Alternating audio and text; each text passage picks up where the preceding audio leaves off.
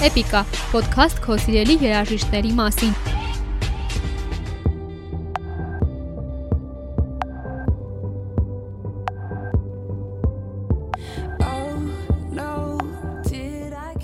Որքան էլ անհավատալի է թվում, բայց աշխարհի շատ աստղեր հայտնիության հասելու հասնում են բազմաթիվ ցախողումներից հետո։ Այդ աստղերից է նաև Քեթի Փերին։ Այսօր 110 միլիոն հարստություն ունեցող այս երգչուհին հաճախ ընկել է սխալ որոշումներ կայացրել, բայց միևնույն է, չի հանձնվել։ Միշտ ոտքի է կանգնել, թափ տվել ծնկներն ու առաջ շարժվել։ Բազմաժանր այս երգչուհու երաժշտական ճանապարհորդության սկիզբը արի բացահայտենք միասին։ Նրա պատմությունը վստահ եմ շատերիս կողքեշնչի։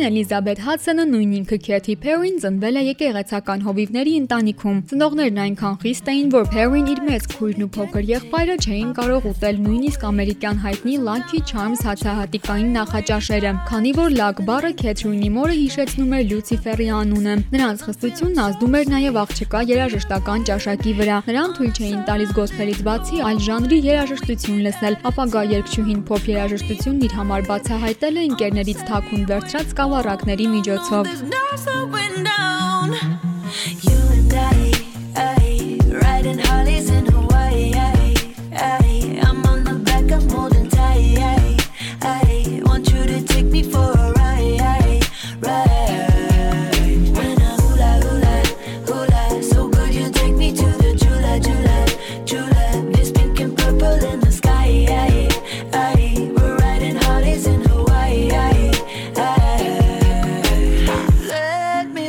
fingers through your salty hair. Go ahead, explore the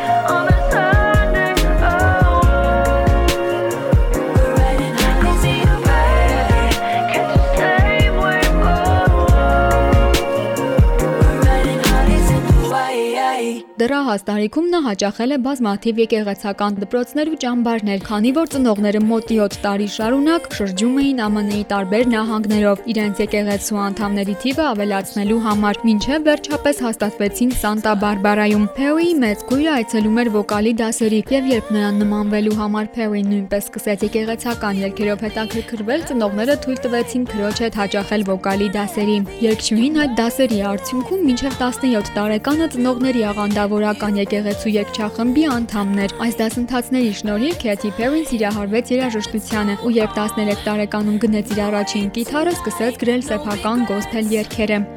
Just love. We can dance until we die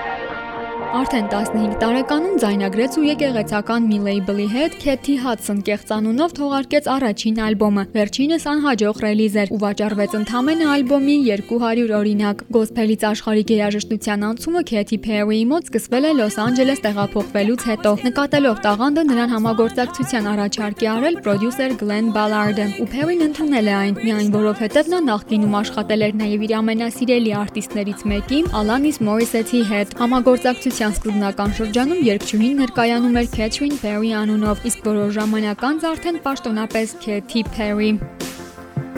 I wish I knew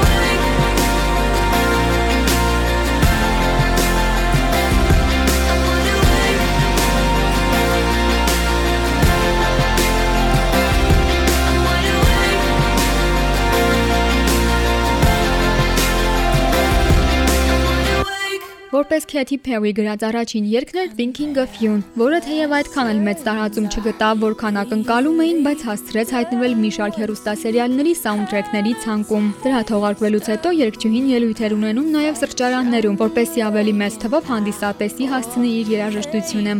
2006 թվականին Քեթին վերջացրեց իր դեբյուտային ալբոմի համար երգեր գրելն ու ձայնագրելը, սակայն մինչ թողարկումը նրան այդ ժամանակ ներկայացնող Columbia Records-ը խզեց պայմանագիրը, ինչից հետո երգչուհին ստիպված եղավ որպես անկախ արտիստ համագործակցել Taxi Music անունով ընկերության հետ եւ չեղարկել իր 2007 թվականին թողարկվելիք Fingerprints ալբոմը։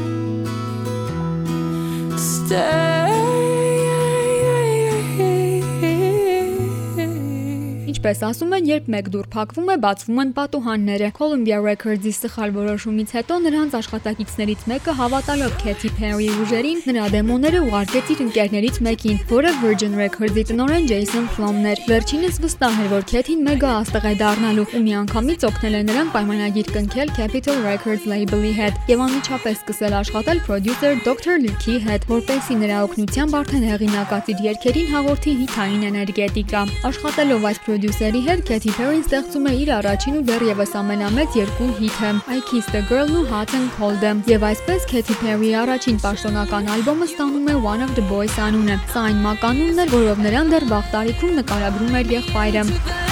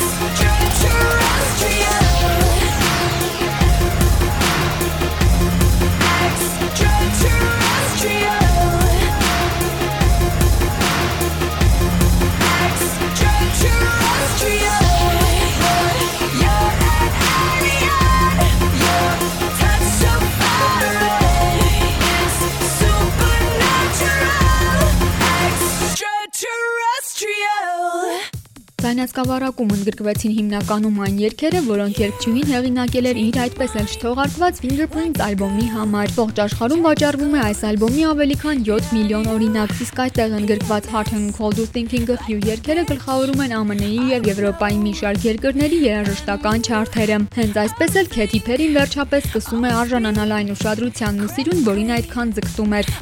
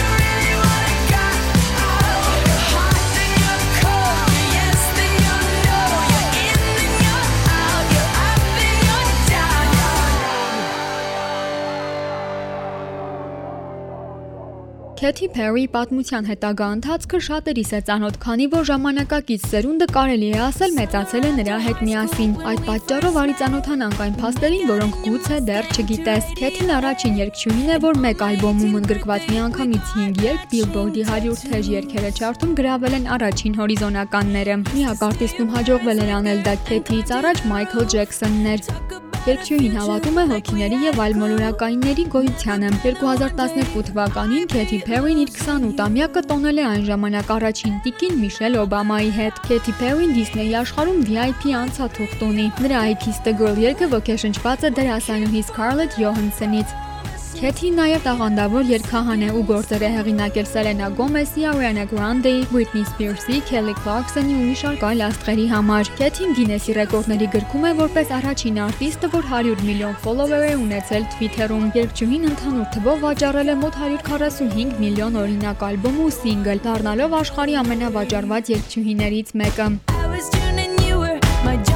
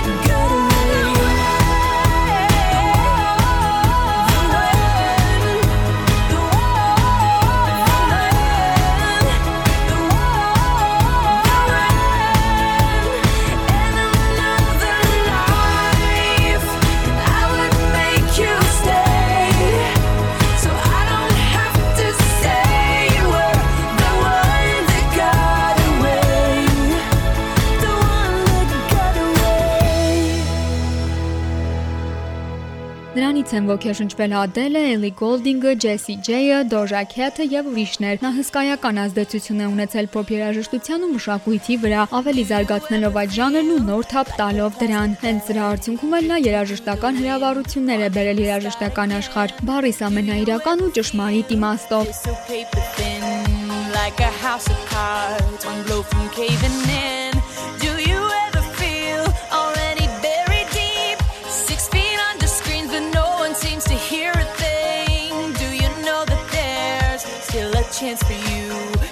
There's a spark in you. You just gotta ignite the light